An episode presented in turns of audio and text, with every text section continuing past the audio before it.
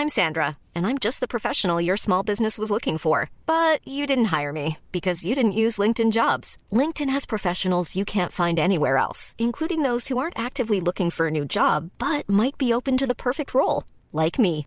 In a given month, over 70% of LinkedIn users don't visit other leading job sites. So if you're not looking on LinkedIn, you'll miss out on great candidates like Sandra. Start hiring professionals like a professional. Post your free job on linkedin.com/people today. Since 2013, Bombas has donated over 100 million socks, underwear, and t-shirts to those facing homelessness. If we counted those on air, this ad would last over 1,157 days. But if we counted the time it takes to make a donation possible, it would take just a few clicks. Because every time you make a purchase, Bombas donates an item to someone who needs it. Go to bombas.com slash ACAST and use code ACAST for 20% off your first purchase. That's bombas.com slash ACAST, code ACAST. Many of us have those stubborn pounds that seem impossible to lose, no matter how good we eat or how hard we work out. My solution is PlushCare. PlushCare is a leading telehealth provider with doctors who are there for you day and night to partner with you in your weight loss journey. They can prescribe FDA-approved weight loss medications like Wagovi and Zepbound for those who qualify. Plus, they accept most insurance plans. To get started, visit plushcare.com slash weight loss. That's plushcare.com slash weight loss. Vad gör vi nu då? Efter metoo-revolten? Dagens gäst, Kristina Hagström Eljevska, vet vad vi alla, chefer och medarbetare, kan göra redan idag.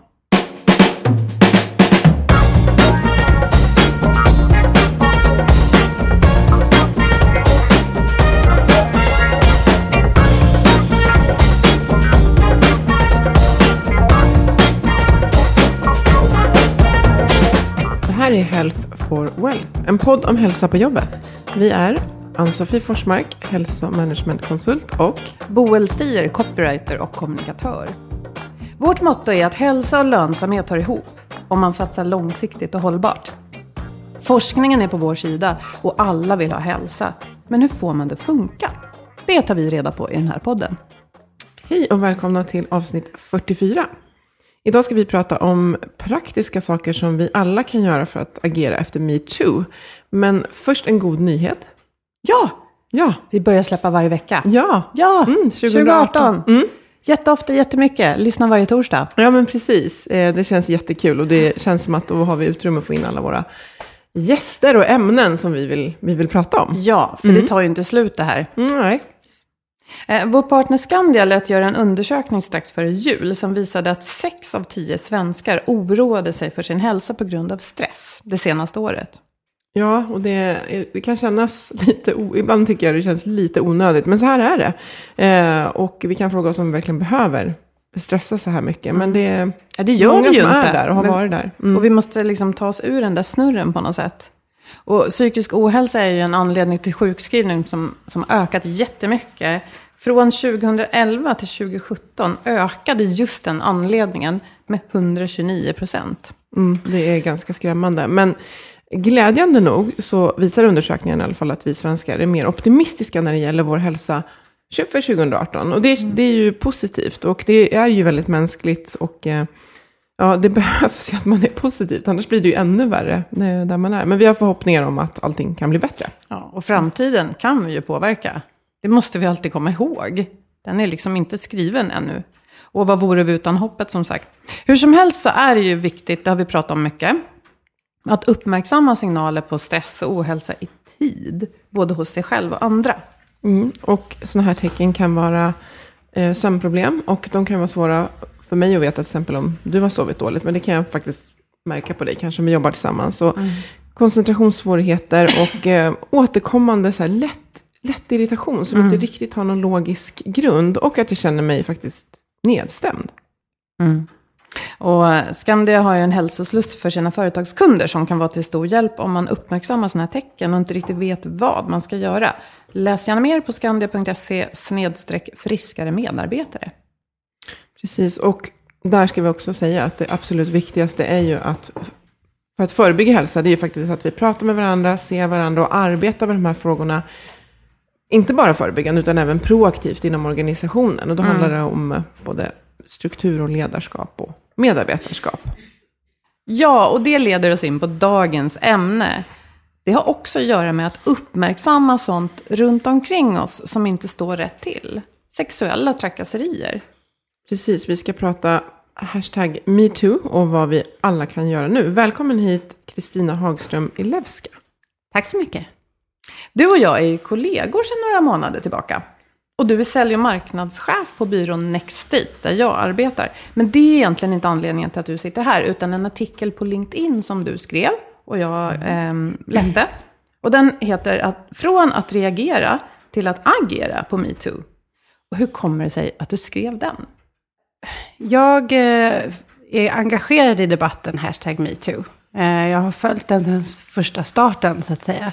Men kände efter ett tag att eh, fokuset handlade mer om vad det är för någonting istället för hur går vi ifrån det då? Hur kan vi förändra? Vad är det för någonting som vi behöver förändra? Och sen så tycker jag, tyckte jag att debatten ofta handlade om the magic pill. Man tror att nu har vi gjort det här, nu är det klart så att säga. Och för mig så ser jag efter mina 15 år som ledare och chef att att förändra den här kulturen handlar, eller liksom att förändra ett sånt här beteende är så mycket mer jobb. Och jag tyckte att det här inte uppmärksammades tillräckligt mycket. Så därför så kände jag att jag skrev av hjärtat lite grann, typ i form av hur, hur, gör, hur har jag jobbat? Jag ville ge inspiration och tankar. Eh, och därav kom så att säga, artiklarna. Och det var egentligen sammanfattande av mitt eget arbetssätt och sånt som jag har sett som andra gör som är bra som sammanfattat kan ge verktyg till att göra saker annorlunda. Och vi kan ju bara då berätta att du har ju dels, du beskriver dig själv på LinkedIn som en modig chef. Du har varit ledare i mansdominerade branscher. Vill du berätta vilka lite kort? Både telekom och eh, IT har jag varit i. Och sen har jag varit i säljyrket sedan 99. Eh, Eh, och alltid jobbat kring och med män. Det är ju mer än 90 procent manlig, manliga deltagare, tänkte jag säga. Men män i säljskråt. Mm. Så egentligen har jag bara jobbat i, med män. Mm. Det här är faktiskt första gången på Nextdate där jag har jobbat med, över, över, med fler kvinnor än män. Mm. Ja, och sen har du utbildat också i både, ja, jag tänker framförallt på presentationsteknik. Alltså du är van att lära människor hur de ska göra saker och föra sig. Jag hade fyra stycken privilegierade år att jobba för ett bolag som heter Dale Carnegie som är ett av världens äldsta utbildningsbolag. Och jag utbildade inom sälj och ledarskap. Även, eh, och då har de ju presentationsteknik som en naturlig del i det här arbetet. Då. Men, och där handlar det väldigt mycket om att få med sig verktygen att göra sitt ledarskap bättre. Mm. Mm. Eh, ska vi titta närmare på punkterna i din artikel? Mm. Eh, och allra först så skriver du nämligen att mål och förväntningar behöver vara tydliga på varje medarbetare. Och hur, hur hänger det här ihop med, med trakasserier? Ja, det är väldigt lätt att manipulera den här delen. Och om jag som, om vi, om vi tar det från två perspektiv. Om jag som kvinna eh, i det här läget inte riktigt har eh, koll på vad som förväntas av mig. Så har jag märkt en tendens av att man överpresterar. Det vill säga en rapport som ska vara fem sidor blir 30 sidor. Jag har själv suttit i det, jag vet att vi skulle eh, presentera strategier. Mina manliga kollegor levererade bakåtlutade en mening om vad de tänkte hur nästa år skulle se ut. Och jag hade suttit och förberett 27 slides hela natten för att liksom ha någonting att presentera. Eh, och i det här då, om jag, inte, om jag hade varit bättre med att eh, ta reda på exakt vad som förväntades av mig och följa upp det, så hade ju jag kunnat eh, spara många timmars sömn framför allt. Eh, men också i det här så hade ju det blivit eh, rättvisare kring bordet. Och om din organisation då hade varit tydligare med förväntningar och mål? Absolut. Framförallt min chef skulle jag säga, eller den, den som leder organisationen har det ansvaret. Att eh, sätta väldigt tydliga mål och förväntningar. Och när du är i en grupp som ska presentera det här så blir det ju ännu viktigare. Jag tänker också om man är då hierarkiskt lägre stående, vi pratar ju ogärna om hierarkier, men de finns ju där. Mm. Och speciellt om man är ung, och kanske ibland om man är kvinna, så är det ju liksom ett sätt att göra det på, att jobba extra mycket, bara för att visa att man vill så mycket. Och det är ju farligt naturligtvis, av många skäl. Mm. Du skriver också att man kan använda strukturer för att fördela makt. Som att se över talartiden på möten så att alla kommer till tals. Men, och det låter ju jättebra. Men hur gör man det praktiskt, tänker du? En del är tysta, en del pratar gärna mycket själva. En, eh, ett, ett bra eh, verktyg som jag alltid brukar använda det är när vi håller en diskussion så avslutar jag eller inleder jag alltid med att gå bordet runt. Det vill säga, jag säger det, ja, nu ska vi diskutera fråga X eh, och jag tänkte att jag vill höra allas åsikt så vi tar bordet runt. Eh, och då får alla möjligheten att säga.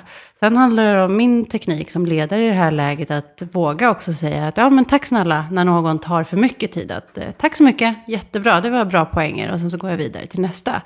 Så en, en, eh, ett verktyg och en egenskap som inte många ledare är duktiga på det är facilitering. Alltså facilitera sina möten.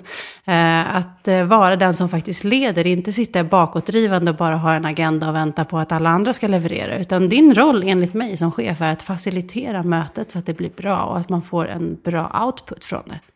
Och det här att alla ska komma till tals handlar inte bara om rättvisa och att eh, motverka trakasserier, utan det är också, det finns ju en massa bra tankar i, i en grupp. Och då kommer ju inte alla fram. Det får man inte skapa förutsättningarna. Jag, ty- jag håller absolut med dig. Och det, så både ur ett, utifrån ett rättviseperspektiv, effektivitetsperspektiv, men också utifrån alltså, framgångsperspektivet. Att få fram så bra resultat som möjligt. Mm, inte gå miste om att någon eh, sitter på en bra idé, men inte naturligt den som pratar mycket. För sånt där sätter sig ju också. Det blir att han eller hon eh, pratar väldigt mycket och det brukar inte jag göra. Och så börjar det, liksom, det sätter sig. Och då, som sagt, det här med facilitering, det handlar ju om att få ut eh, det bästa Ja. av, av mötet. Mm. Nej, men jag tänkte på den här Google-undersökningen. Vi har pratat om den en gång när vi snackade snällhet. Eh, med chefen för Vestander som var här. Och då är det ju på temat snällhet man pratar om att om man har ett klimat där alla vågar prata och känner att de får det utan att bli kritiserade, så får man också ut det bästa av gruppen. Och då kan man ju tänka rent lönsamhetsmässigt. Ja, absolut. Mm. Ja. Och eh, sen var du också inne på det här med att traditionellt kvinnliga och hierarkiskt mindre uppskattade uppgifter, till exempel som att föra anteckningar, fixa fika och sånt, det ska gå på rullande schema. Så att det inte bara eh, blir tjejerna som står för sånt. Hur, hur löser man det här? Bara rent konkret praktiskt. Lägger ut hur många är vi i gruppen? Vi är tio, ja då är det var tionde vecka. Och sen så sätter man den, håller man den strukturen så att säga. Den här klassiska frågan, jaha, vem ska ta anteckningarna? Så blir det tyst, så blir det tyst, så blir det tyst. Och sen så är det den som har, den som har det snällaste hjärtat är ju den som oftast liksom säger att, ah, okej, jag kan ta anteckningar. Och, eh, ingen empirisk undersökning, men erfarenhetsundersökning är att det är nio av tio gånger så är det en tjej som räcker upp handen. Och ofta är det samma.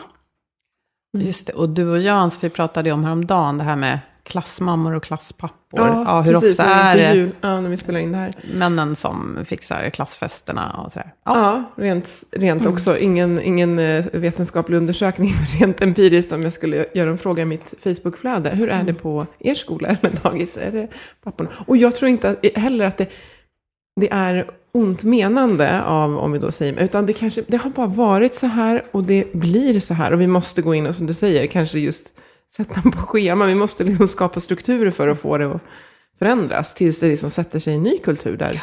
För häller man ner i ett Excel-ark så ser man ju tydligt så här, om det är jämnt fördelat eller inte. Och eh, ja, men som vi pratade om också igår, eh, du och jag, det här att det finns ju undersökningar som visar att även vi kvinnor är ju barn av vår kultur och våra strukturer. Jag vet till exempel en undersökning man gjorde i en förskola för några år sedan, eh, eller om det var en skola, hur mycket pratade tjejerna och killarna i klassen? Och då eh, undersökte man det här samtidigt som man då försökte få tjejerna att prata mer. Och man kom efter ett tag till ett läge där läraren, eh, killarna i klassen, tjejerna i klassen, alla var eniga om att nu har tjejerna tagit över. Faktiskt, nu får vi backa. För nu måste killarna komma fram också. Det visade sig att man var ju ungefär på hälften då. Så det är ju liksom lite intressant att ta med sig att vi upplever Ja. ju kanske inte alltid verkligheten. Nej, men och, och måste, man måste bara Nej, jag tror förstå det. Ja. Jag tror verkligen att det handlar om strukturer. Det är vanor som, som vi har lagt märke till. Och jag tror det är ett ganska spännande exempel. För det är när man kommer upp till 50. Det är inte så att det väger över så att det blir 60. Utan det är när det är 50-50. Ja, men då, nu tar tjejerna lite för mycket plats. Och så ska man backa tillbaka. Och jag tror att där i ligger, det är en vana sak. Att vi inte är vana vid att, att tjejer tar mycket plats. Eh, jag tyckte det var lite roligt, bara ett, ett annorlunda exempel var... ehm, Ebba von Sydow Kleberg. Som säger, som jag lyssnade på när hon pratade, hon sa att eh, jag vill inte ändra mitt namn för jag tycker att det är roligt att det tar plats. Låt det ta plats, låt namnet vara långt, häftigt att höra, så låt det vara lite krångligt att uttala för då kommer de i alla fall minnas mig. Liksom. Och jag tycker att det ligger lite grann i det, vi är nästan att man kan, man kan jobba med andra saker istället. Ta plats, våga göra den delen. Men ja, precis. Det, det kommer ta... Det, det, man måste vara medveten om sina egna fördomar. Och de har vi. Alltså vi har, vi har dem. Alla. upp med handen så. Yes. Eh, och bli medvetna om dem. Och vissa, man kanske inte orkar brottas med alla. Men nu har vi liksom lampan på det här ämnet. Och vi förstår att det handlar faktiskt om... Eh, det är inte bara eh, att någon trakasserar någon. Utan det, det kan också liksom pågå i det lilla och i det stora i möten. Och det är där vi liksom kan börja jobba med de här frågorna för att faktiskt skapa en plattform där det är mindre sannolikt att det uppstår. Det är som att någon håller upp en spegel för oss just nu, där vi alla tittar i den här spegeln och vi ser lite olika saker. Men det jag tror vi kan vara eniga om är att vi ser någon, en ny bild. Som vi inte riktigt har sett så här tydligt förut. Och det är väl det häftiga, tycker jag, med metoo. Ja, och jag tycker att det häftiga med metoo också, ut, utöver det, det är ju, du säger spegeln och jag säger att det synliggör. Jag tror att det här är alltså strukturer som inte f- man har förstått. Jag tror inte att det ligger ett medvetet val i många fall Eh, bakom. I de ledningsgrupper jag har jobbat med, med de människor jag har jobbat med, det är ingen som säger nu ska jag gå in och liksom härska sönder det här eller jag ska driva åt det här hållet. Utan det här är liksom vanesaker som, som människor lägger sig till med. Eh, och det, det är det jag menar med att arbetet sker så långt innan, att man behöver bryta det här. Vi var inne och började prata om det här med att, att um, sätta rullande schema. Fikat, det är också en sån här rullande schema. Det, varför, ska- det ska inte ligga på något sätt på någon, utan om du ska arbeta för ett jämlikt arbete så behöver det bara rullas ut. Och då kanske det handlar om att du som tjej behöver backa från de här sakerna. Var tyst, inte svara när det blir sådär pinsamt, jobbigt, tyst. Låt det vara tyst två sekunder till. Det kommer komma någon annan som svarar förutom du. Eh, och där skulle jag säga att det är det modet som krävs istället. Att, att våga göra någonting annorlunda. Ja, jag, jag tror också på det här. Att det, sådana här, eh, inom citationstecken, små saker kan göra en enorm, eh, enorm förändring. För det sätter en ton. Och den sätter den i de forumen där vi, där vi ses. Och där det traditionellt bara har varit att det är, ja, ofta då tjejer som tar hand om vissa saker. Jag tänker på förra avsnittet också, det här med att sätta gränser. Vi söker ju ofta bekräftelse och det här kan jag känna igen mig i mitt liv också. Att man räcker upp handen, man vill gärna hjälpa till för det är kul. Det är kul att vara bra på något, det är kul att vara behövd. Eh, men då, jag tänker just när det är fikafrågan som snurrar runt i rummet så kan man ju tänka så här. Jag ska vänta på att räcka upp handen när jag får utrymme för att bekräfta mig på ett annat sätt. Med någonting som tar mig lite längre kanske. Och tillbaka till den första poängen, det här med att sätta förväntningar och mål. Jag menar, om, du som, om, om jag som medarbetare är duktig på att ta reda på vad som faktiskt, faktiskt förväntas av mig, så kommer jag få en mycket högre form av bekräftelse om jag gör det som är förväntat i mitt jobb. Jag kommer inte få en förhöjd lön för att jag fixar fikat, utan jag kommer få det för att jag levererar det resultatet som är. Och om vi hittar då ett gemensamt arbete med medarbetare och ledare i det här läget, så är det en win-win. Absolut. Och tillbaka till det du sa, att det är ofta i alla fall inte ren illvilja som gör att man själv då nyttjar en härskarteknik. Vi kan ju komma in på det, därför att det är ju väldigt intimt förknippat med hela metoo-uppropet och eh, de här strukturerna. För ehm, ja, men härskartekniker kan ju till exempel vara att någon tar upp telefonen och börjar pilla med den när en kvinna tar över ordet under ett möte. Och hur gör man när man ser det här eller blir utsatt för det? Eh, igen, där är ledarens roll väldigt viktig. För det första som ett föredöme, att eh, sätta reglerna tydligt, att inleda mötet med, så kan vi lägga ifrån oss mobilerna eh, och eh, sätta agendan. Så där är det första delen så att säga. Eh, och sen så under mötet då våga hålla sig till det där. Att eh, inte fastna i en diskussion och se i, i ögat att någon tar upp en mobil men inte ta den dialogen. Utan istället faktiskt bryta. Att okej okay, hörni, jag tror vi behöver en paus för det är några stycken här inne som har tagit upp sina telefoner. Eh, och jag vill verkligen höra vad Boel har att säga. Så låt oss ta en paus på två minuter och så kommer vi tillbaka och så får Boel du inleder nästa samtal där och då kan ju jag som chef markera mm. väldigt tydligt att jag har sett att det ni gör inte är okej. Okay, och jag vill höra, vilket gör att jag lyfter, jag visar på ett sätt att det här är inte okej, okay, men jag lyfter också personen i fråga som kanske har blivit förminskad i det här läget. Så eh, där gäller det att ha mm. ögonen med sig som chef och att, eh, att hålla koll på de här bitarna. Mm. Och jag tänkte faktiskt på det igår. Eh, jag vet då att vi tre som sitter här just nu, ingen av oss har särskilt svårt att höja vår röst eller liksom föra vår egen talan. Men det här att säga någonting i en grupp kan vara rent obehagligt för många. Mm. Och jag tänker att om jag ser en härskarteknik och jag kanske inte är i en ledande ställning, men jag vill gärna uppmärksamma den, så kan jag väl, jag frågar dig här, också bara liksom lite försynt påpeka så här, men Pelle, vad, vad, är det du har i telefonen där? Är, det någonting som vi ska prata om? Alltså, kan man inte så lite mjukt också föra fram en fråga och på det sättet synliggöra vad som händer? Absolut. Eh, ibland räcker det med en blick. Ibland brukar man, kan man bara peta till lite lätt så vet personen eh, mm. snabbt vad det är för någonting. Jag tycker att det är viktigt att synliggöra det här, för ofta så vet man inte om sina egna beteenden det går ju väldigt fort från att eh, om vi tre skulle sitta här och prata och att varenda gång Boel tar ton så börjar jag kika på min telefon. Det går ju väldigt fort från det att jag gör det till första tillfället tills att du och jag har en, en, en förståelse i att det Boel säger är inte så viktigt så att mm. vi kan göra annat. Mm. Så att det, jag tror att det är jätteviktigt att, att synliggöra den brytningen, mm. att det här är inte okej. Eh, för annars lär vi oss inte annorlunda. Alternativet också är alltid att prata med personen efteråt. Jag tror att som ledare måste du vara modig nog och gå fram till personen efteråt. Du, jag ser att varenda gång som vi tar upp telefonen, varenda gång Boel pratar så tar vi upp ja. telefonen. Är du medveten om det? Ja. Eh, våga ta det samtalet. För de gånger jag har gjort det så säger, ja, nu ska vi inte, sju av tio kanske i alla fall säger att nej, shit, det glömde jag, jag förstod inte, jag tänkte inte på det, mm. men jag hade ett viktigt sms. Men sen så är det klart att det är vissa som lägger det som en strategi. Men mm. då visar jag ju i alla fall att jag ser att du gör någonting som inte är okej. Mm. Och så blir det inte lika lätt att fly undan när du påpekar det för tredje gången. Nej, Nej. precis. Nej. Mm. Och när, om vi hoppar till att någon faktiskt berättar om en incident, mm. eh, så behöver agerandet vara rätt, eh, skriver du. Vad, vad, är ett riktigt agerande? Um, jag ska, jag ska berätta om min egen upplevelse kring det här när jag var med om en incident och eh, väljer att eh, ringa till eh, två olika personer varpå de säger, men är du säker på att det var så? Mm. har du, du har inte missuppfattat det här och det var inte så att Ja, det var inte så att du sa någonting eller liksom upplevde han att du flörtade eller någonting sånt där. Varpå jag kunde faktiskt, jag hamnade någonstans i ett läge och började fundera, ja men var det så kanske, var det så?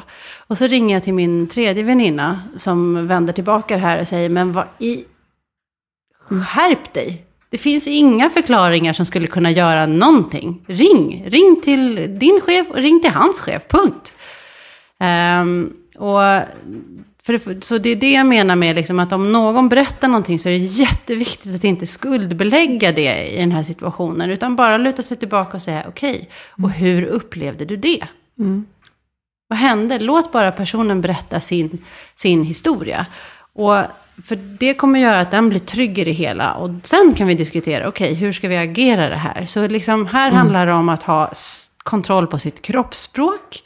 Eh, ansiktsuttrycken, himlande ögon eller ett fniss eller någonting kan förgöra en, mm. en berättelse på det här sättet. Så det handlar verkligen om att liksom backa tillbaka, ha ett neutralt ansikte, ställa mycket frågor och försöka förstå, eller försöka att förstå situationen som har hänt. För jag tänker att när någon vågar berätta, då har de redan gått igenom det där. Kan det verkligen vara, kunde det verkligen vara så här, kan jag ha missförstått? Man har redan gått igenom det i sitt huvud. Så där, då är det så pass liksom, verifierat, man ska säga, att man, man upplevde det så. Sen finns det fortfarande två sidor på det, det kommer alltid göra, men, men har man Mm. kommit så långt så, ja.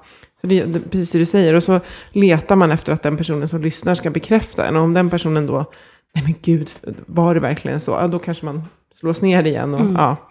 Ja. men det här, och det här är ju värt att, vi stannar vid lite grann. För jag tänker, här är ju he, he, egentligen hela kärnan i varför d- den här orättvisan har kunnat pågå så länge. Och då menar jag män och kvinnor, den ojämlikheten. Vi vet ju, tycker jag vi kan säga nu, med, med metoo färskt i minnet och så, att det är skulden och skammen som är förövarens bästa vän. Absolut. Och jag vet inte om ni är med i några sådana här Facebookgrupper. Jag har skrivit på ett upprop för vår bransch, som heter Sista briefen, och är med i en annan grupp som heter Alla vi. Och där delar kvinnor med sig av erfarenheter. Jag kan säga att jag läser dem då och då, på någon paus i, i vardagen. Och sen så stänger jag bara av, för det är så jobbiga berättelser. Och de, det är alltid samma kärna. Man har varit med, när kvinnan eller personen, om så hemska saker, men håller tyst. För man lägger någonstans skulden på sig själv. Och här tror jag det är liksom nyckeln till att kunna vända allting. Dels så lägger man nog skulden på sig själv och sen är man nog rädd för konsekvenserna av vad som händer om jag berättar. Eh, får det en konsekvens för min karriär? Eh, och, det, och i strukturen, och det är det här som är liksom, så att säga nyckeln, för att i strukturen så är det faktiskt så att det får en konsekvens för din karriär. Om, när jag tar den här dialogen och utmanar på det sättet, så blir det en konsekvens för jag lyfter frågan, någonting som har hänt mig.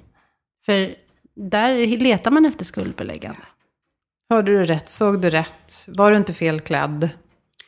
Ja, och, ä- och ännu små substiler, det behöver inte ens vara någonting som har hänt, utan det kan vara en, en härskarteknik i ett rum eller vid en ledningsgrupp, eller en hand på en axel vid fel tillfälle som säger lilla gumman, eller eh, alla de här små, små subtila signalerna som säger att så, så.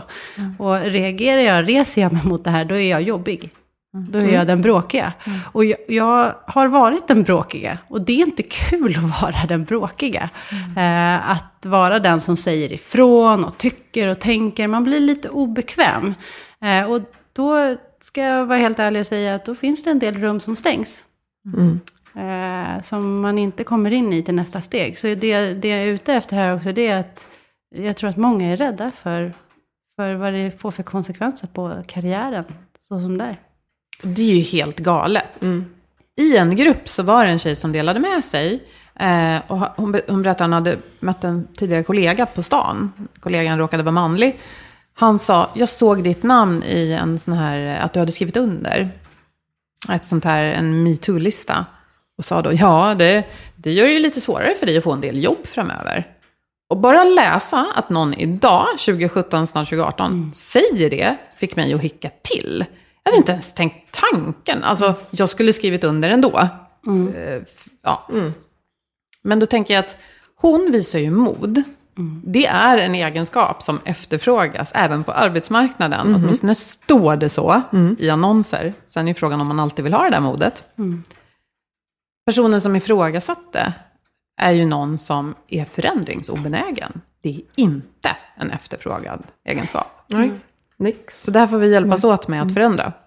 Jag tänker också att det finns en, om du hade ringt det där samtalet idag, alltså eh, vilket datum nu är, men i december 2017, så landar ju det hos några som inte kan ha undgått eh, metoo-upproret och kampanjen. Så jag tänker att kanske sannolikheten att bli bemött med det här, men är du helt säker, har väl förhoppningsvis minskat lite grann, därför att nu vet vi hur utbrett det här är.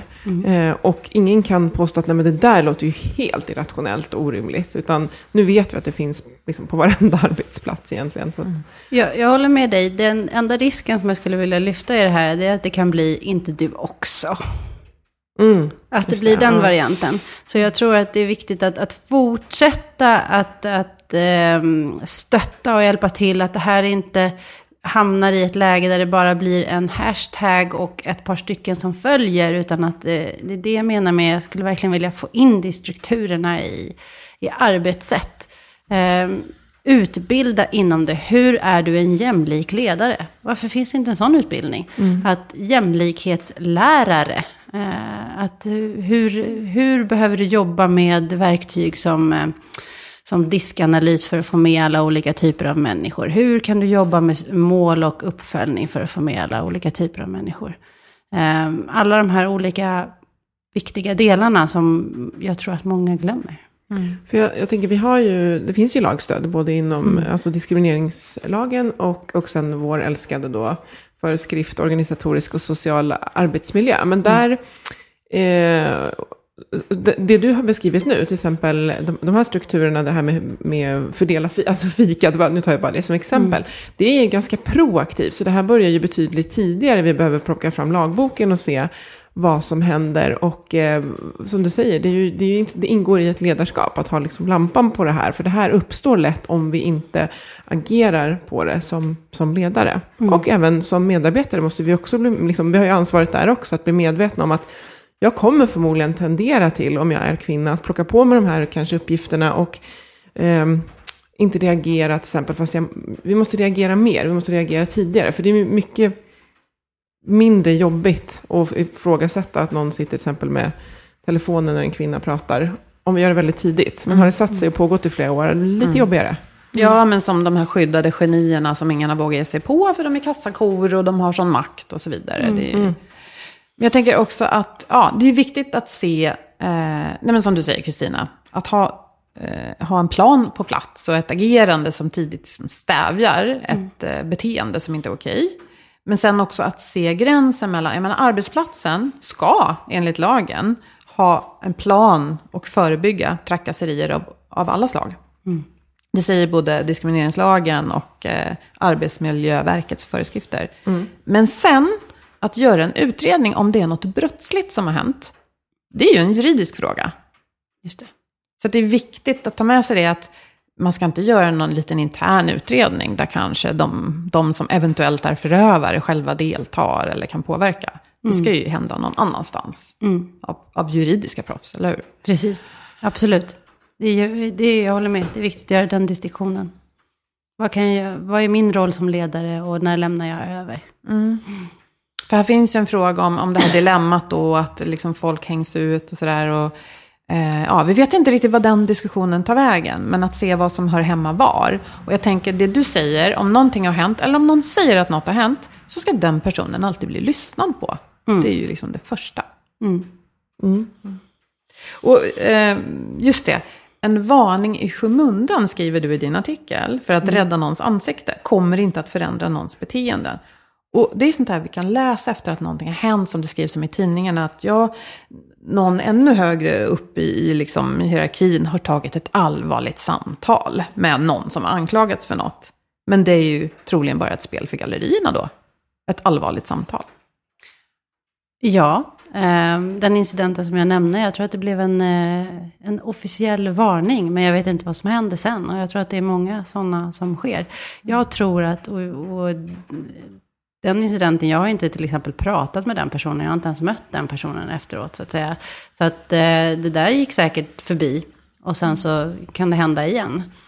Eh, jag, jag tror på vikten av att få möta sina handlingar. Att, att om, om du, du som ledare sitter med makten och om du vill förändra det här så måste du se till att liksom ta det, det ansvaret att förändra.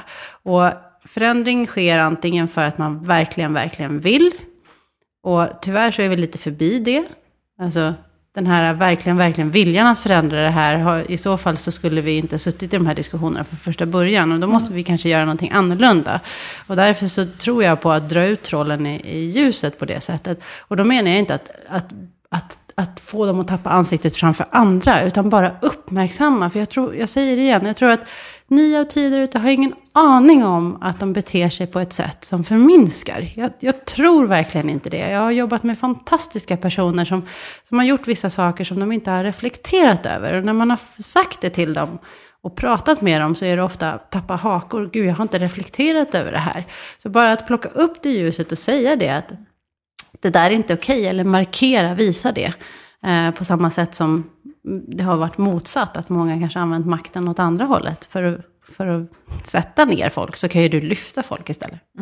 Det är ju en bred skala här från, från liksom, alltså sexuella övergrepp ner till, eller inte ner till, men bara åt andra sidan, att det, att det är omedvetna härskartekniker som, som, vi, som vi pratar om. Så det, är- Men, men eh, det kanske är just att det här proaktiva som behöver göras, det, det, det är ganska liknande saker för att liksom sätta tonen och sätta kulturen. Och sen så tror jag så här, övergreppet sker inte om det under tiden har blivit tillåtande. Alltså det, det är det som blir lite hemligheten. Jag tror, att, in, jag tror inte att de här övergreppen sker. Det handlar om att, man tar, att personen i fråga som har gjort det här testar lite och lite längre och lite längre och lite längre och lite längre. Och helt plötsligt så står man där och sen så blev det ett övergrepp istället. Om någon hade brutit långt tidigare och sagt att det här är våra regler, det här är det som gäller, det här är inte okej då finns det en större möjlighet. Så därför tror jag skalan är, den är jättestor. Men eh, förändringen som vi vill åt börjar tidigt. Liksom. Men jag tänker också att vi har, jag tänker så här, hoppsan, det var ingen som sa nej, så jag började bete mig som ett svin. Att vi, har, eh, liksom, vi är ju människor, så vi har ju ett ansvar som människor. Eh, trots att vi kan kanske vara på en arbetsplats där det saknas då vissa strukturer och tydligt ledarskap i det här, så tänker jag att vi, vi har ju ett ansvar för oss själva. Och då tänker jag att om, om värderingarna på den arbetsplatsen krockar med mig, med mina värderingar, jag vet inte vad jag är på väg med det här, men att... Jo, kör. Ja, ja nej, men att, att då, då kommer jag ju själv känna att det här är inte det här är inte okej. Men Mm. för några så finns kanske inte den spärren och då blir det, det kanske som en röd matta i en organisation där det inte finns ett ledarskap som ger ramar. Och, och vi ska inte glömma, jag tänker att vi behöver påminna varandra här i podden, att vi pratar, liksom, ja, men det är så inne att prata om ledarskap och självledarskap och what not, så här, hierarkier finns, makt är på riktigt. Och ibland är vi beroende av ett uppdrag eller en anställning och vågar inte riskera att bli av med den. Så att, och det där faller ju mest på makthavarna, att se den makt man har och att utöva den på rätt sätt och varsamt. Och jag tänker också det här att att, eh, att vi måste stoppa i tid. Jag vill verkligen säga där att när det gäller övergrepp eh, mot kvinnor, men även mot män, att det är inte offrets ansvar att stoppa det. Jag menar, kan man, ska man förstås bidra till det. Men det är ju något som har blivit så tydligt nu. Att här, vi måste se de här strukturerna och säga ifrån när det är fel. Och det måste vi hjälpas åt med. Det kan inte vara offret som hela tiden ska skuldbeläggas. Och just att Absolut, jag håller med. metoo har ju varit, det har ju handlat liksom om, om kvinnor, men det vi pratar lite om här idag, det är ju, alltså det, är ju, finns ju, det, det handlar ju även om män, alltså självklart, som är utsatta för, för härskartekniker på arbetsplatsen. Så att- Kvinnliga ledare som utövar dem. Ja. Kvinnliga ledare som Oh, bidrar ja. till tystnads, eh, tystnadskultur som vi har läst om. Så att ingen går ju fri här så att säga bara för att man tillhör den ena eller andra kategorin. Nej, det, det handlar väl om att lyfta begreppet från bara jämställdhet till jämlikhet. Ehm, och eh, igen, ni pratar ju ofta om alltså, lönsamheten i Health for Wealth-grunden. Skapar jag ett bolag med jämlikhet, då får jag fram, lite som vi var inne på tidigare, olika åsikter. Olika åsikter kommer kunna göra att jag som ledare kan, med min produkt kan möta flera där ute. Det vill säga, jag möter inte bara utifrån ett, ett, låt oss säga manligt perspektiv eller kvinnligt perspektiv, utan har jag jämlikhetsperspektivet så har jag en större chans att, att nå ut med min produkt. Jag talar till flera, jag har en större chans att skapa inflöde av pengar faktiskt. Så att vi glömmer ju bort den här biten att det har att göra med ekonomisk eh, vinst också. Och där lyckades Kristina lyfta vår USP. För det är ju det, vi vill ju prata om hälsa, inte bara ur det rent altruistiska perspektivet och att vi ska vara schyssta mot varandra, det ska vi ju, utan det är faktiskt också en förutsättning för lönsamhet. Verkligen. Tänkte vi försöka avsluta lite med hur, vi brukar säga att vi är lite konflikträdda i Sverige. Och eh, om, om, vi, om vi accepterar det då, hur, hur kan vi, eh, vi kanske vill stå bakom värderingar som, som allas lika rätt och sådär, men vi vågar kanske inte riktigt ta fighten under en, en vanlig vardag. Hur, hur skapar man mod till det här? Mm, ja, fantastiskt bra fråga. Hur skapar man mod? Jag tror att man skapar en, en, en omgivning där jag, där jag skapar en känsla av eh, en positiv känsla. Jag tror så här, grund och botten så handlar det om att ge så pass mycket uppmuntran och så pass mycket eh, kärlek när folk gör rätt saker. Och när, när jag lyckats skapa det klimatet, när jag har människor runt omkring mig som uppmärksammar mig, som uppmuntrar mig i de här rätt sakerna, då tror jag att jag blir modigare. Jag blir trygg. Mm. Eh, och trygghet ger ofta mod. Så om, verkligen så här, om mitt sista råd skulle vara någonting så är det verkligen att belöna och lyft sånt som funkar. När någon gör någonting bra utifrån de här tankarna. När man märker att någon har i en grupp eh, vänder sig till någon annan och säger jag har inte hört din åsikt ännu, vad tycker mm. du? Eller när du, när du märker att eh, vi pratade om lite olika, att någon annan säger till att, kan du ta ner, när du ser att någon petar på någon annan och säger att ta ner mobiltelefonen, belöna det. Mm. Alltså visa på saker och ting som gör, som, som gör det här klimatet bättre. Mm. Då får ju du dina champions, du som chef och ledare får champions runt omkring dig. Och då kan ju ni tillsammans då skapa den här miljön som gör att att man blir modigare. Mm. Så um, svar på frågan, som chef, omge dig med människor som ger dig mod, som skapar den här stämningen. Och eh, för att utföra det som i en handling i ditt jobb, se till att du skapar den stämningen. Så att mm. folk blir modiga. Mm. Walking the talk. Ja, ja, men det handlar jättemycket om att för att vara modig så behöver man känna sig trygg. Mm. Så det handlar mycket om att skapa en trygg miljö och då kommer vi väldigt mycket in på vår stressade hjärna. Den har väldigt svårt att känna sig trygg om den känner negativ stress. Så det är, mm. ja, vi, allting hänger ihop. Det här med en bra arbetsmiljö och lönsamhet och mod och ja. Och ensamma gör vi ingenting, höll Nej. jag på att säga. Nej, Nej, men vi måste göra allt sånt där tillsammans. Ja. Det är ju så viktigt att påminna om. Mm. Mm. Mm. Och sen har vi ju lagen att luta oss mot, det har vi ja. pratat om.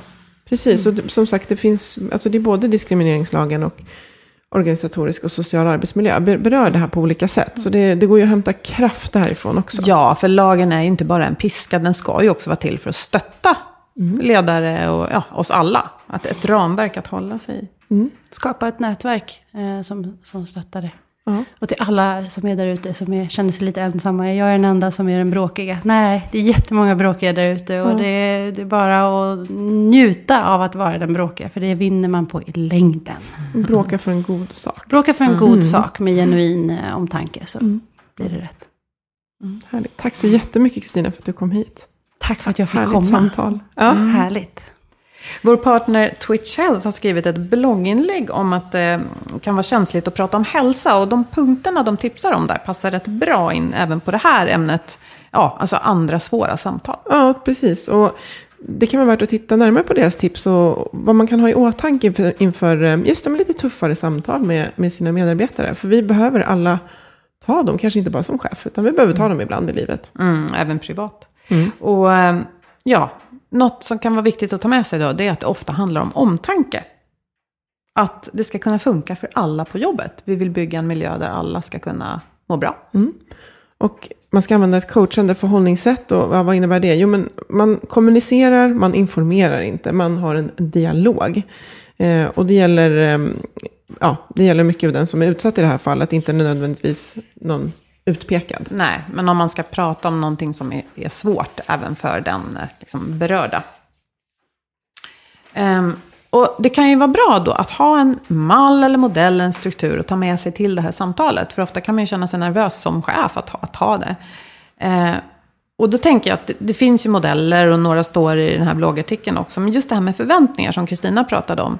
Det kan ju vara en modell i sig. Hmm, vad förväntar jag mig av samtalet? Och vilka förväntningar kan den jag pratar med ha? Och om man tydliggör det innan samtalet så är det ju något att hålla sig i. Och det gör ju också att den man pratar med är förberedd. Mm. Du blir inte tagen på sängen liksom med det man ska prata om. Mm. Och då kan det vara bra att just förbereda öppna frågor. Till exempel hur upplever du berätta mer istället för ja och nej-frågor. För det blir väldigt jobbigt kort samtal. Mm. Och väldigt ofta, jag menar, pratar man om hälsa är det ju så uppenbart. Men även i andra sammanhang kan det vara bra att upprätta en plan för den här medarbetaren. Um, och då är det ju frågan om vad den behöver och hur man ska kunna mäta hur, hur väl man rör sig mot det målet. Mm. Vad ska ha hänt till nästa gång vi hörs till exempel. Mm. Och våga prova. Och man blir tryggare med det ju, ju oftare man gör det. Så att ju längre man skjuter upp det, desto som är det mesta, ju jobbigare blir det. Så att, eh, våga prova. Att vara människa är inte att vara perfekt jämt. Nej, precis. Och eh, som sagt, läs hela inlägget på twitchhealth.se under bloggen. Och vi tackar för oss och hoppas att ni vill prata med oss i våra sociala medier på Facebook-sidan, på LinkedIn och hemsidan healthforwealth.se. Vi tackar förstås också våra samarbetspartners Skandia och Twitch Health och Agda Media för den här produktionen. Ta hand om varandra, ha det bra, hej då! Hej då!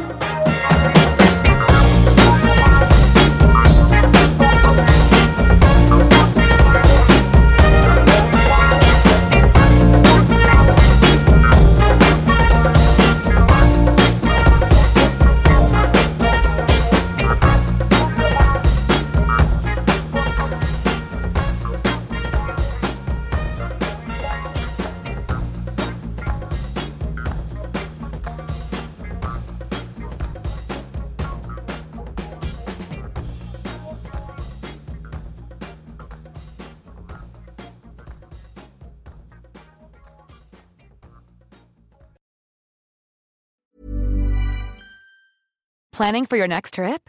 Elevate your travel style with Quince. Quince has all the jet setting essentials you'll want for your next getaway, like European linen, premium luggage options, buttery soft Italian leather bags, and so much more. And is all priced at 50 to 80% less than similar brands. Plus, Quince only works with factories that use safe and ethical manufacturing practices. Pack your bags with high-quality essentials you'll be wearing for vacations to come with Quince. Go to quince.com slash pack for free shipping and 365-day returns. Hey, it's Paige DeSorbo from Giggly Squad. High quality fashion without the price tag. Say hello to Quince. I'm snagging high-end essentials like cozy cashmere sweaters, sleek leather jackets, fine jewelry, and so much more. With Quince being 50 to 80% less than similar brands and they partner with factories that prioritize safe ethical and responsible manufacturing. I love that. Luxury quality within reach. Go to quince.com slash style to get free shipping and 365 day returns on your next order. quince.com slash style Mom deserves the best, and there's no better place to shop for Mother's Day than Whole Foods Market. They're your destination for unbeatable savings, from premium gifts to show-stopping flowers and irresistible desserts. Start by saving 33% with Prime on all body care and candles. Then get a 15-stem bunch of tulips for just $9.99 each with Prime. Round out Mom's menu with festive rosé, irresistible berry chantilly cake, and more special treats. Come celebrate Mother's Day at Whole Foods Market.